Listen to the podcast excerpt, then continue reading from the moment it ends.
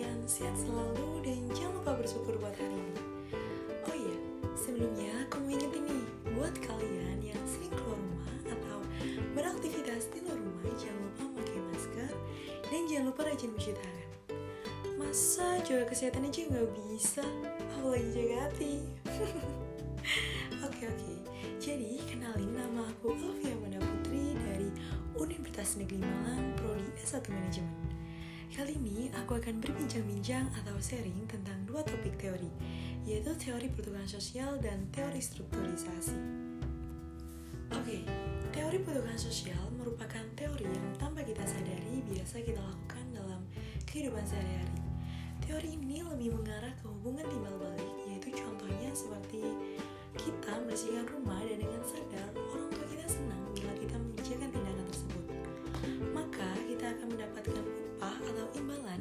atas tindakan yang kita lakukan. Pada tahun 1960-an, George Hillman dan Homans menciptakan teori pertukaran sosial yang memecahnya menjadi tiga proposisi. Proposisi yang pertama yaitu menyatakan seseorang akan melakukan tindakan dan akan mengulangi tindakan tersebut saat mereka mengetahui bahwa mereka akan diberi suatu imbalan dengan melakukan tindakan tersebut.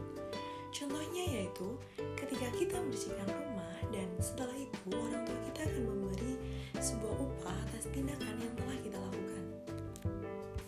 Proposisi yang kedua yaitu menyatakan bahwa semakin sering kita melakukan tindakan tertentu dan menghasilkan sebuah hadiah di masa lalu, maka akan semakin sering pula kita merespon tindakan tersebut. Karena kita tahu bahwa kita akan mendapatkan upah dari apa yang kita lakukan. Contohnya yaitu ketika anak-anak melakukan pekerjaan rumah lalu diberi upah oleh orang tuanya, maka dengan cepat anak-anak tersebut mengambil dan menghabiskan upah tersebut. Karena anak-anak yakin bahwa setelah melakukan pekerjaan rumah, ia akan mendapatkan sebuah imbalan lagi. Jadi mereka akan mengulangi kegiatan tersebut agar mereka mendapatkan sebuah upah. Proposisi yang ketiga yaitu disebut dengan deprivation statiation, yaitu menyatakan bahwa semakin sering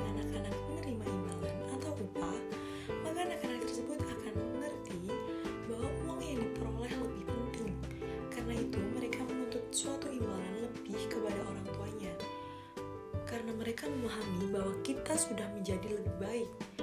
Di sini terdapat tiga unsur dari pertukaran sosial.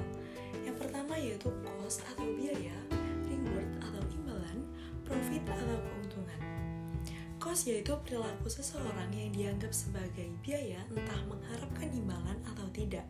Sedangkan reward adalah imbalan terhadap cost. Dari reward yang didapat, seseorang bisa saja mendapatkan keuntungan yang lebih besar dari cost. Keuntungan tersebut disebut dengan profit. Namun tidak semua reward yang didapat menghasilkan keuntungan bagi seseorang yang mengeluarkan reward. Sebab dalam pertukaran sosial, seseorang tidak terlalu mengutamakan profit yang banyak. Seseorang hanya menginginkan reward atas cost yang dia keluarkan. Oke, untuk topik yang kedua yaitu membahas tentang teori strukturisasi. Ada yang tahu nggak teori strukturisasi itu bagaimana? Teori strukturisasi merupakan teori diusulkan oleh seorang sosiolog yang bernama Anthony Giddens. Dia juga menuliskan dalam buku yang berjudul The Constitution of Society. Anthony Giddens merupakan seorang cendekiawan sosial yang menjadi dosen tetap di mata kuliah sosiologi di Universitas of Cambridge. Anthony Giddens juga menjadi dosen tamu yang dihormati di balasan perguruan tinggi besar di lima benua.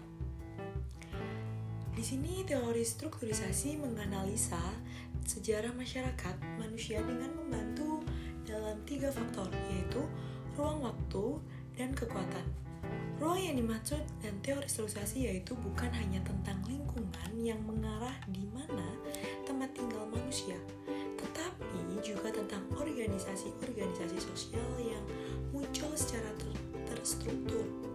Teori strukturisasi ini yaitu upaya atau di antara teori sosial konvensional yang berpihak kepada struktur atau sebuah agensi.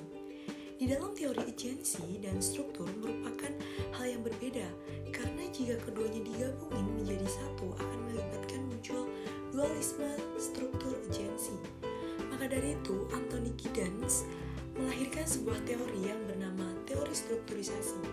Teori ini mengarah ke bukan mengarah ke struktur juga bukan mengarah ke agensi, melainkan mengarah ke social pursuits yang tentang bagaimana manusia menjalani hidup, baik dalam hubungan sebagai anak, istri atau suami, sahabat, maupun dengan masyarakat luas. Oke, okay, tidak kerasa, sharing kita udah selesai. Semoga ilmu yang didapatkan oleh kalian dan ilmu yang saya bicarakan bisa bermanfaat buat kita semua. Pergi ke kampung, jalan terbelah, pohon jatuh, awas menimpa. Jika salah kata, maafkanlah. Wassalamualaikum warahmatullahi wabarakatuh dan sampai jumpa.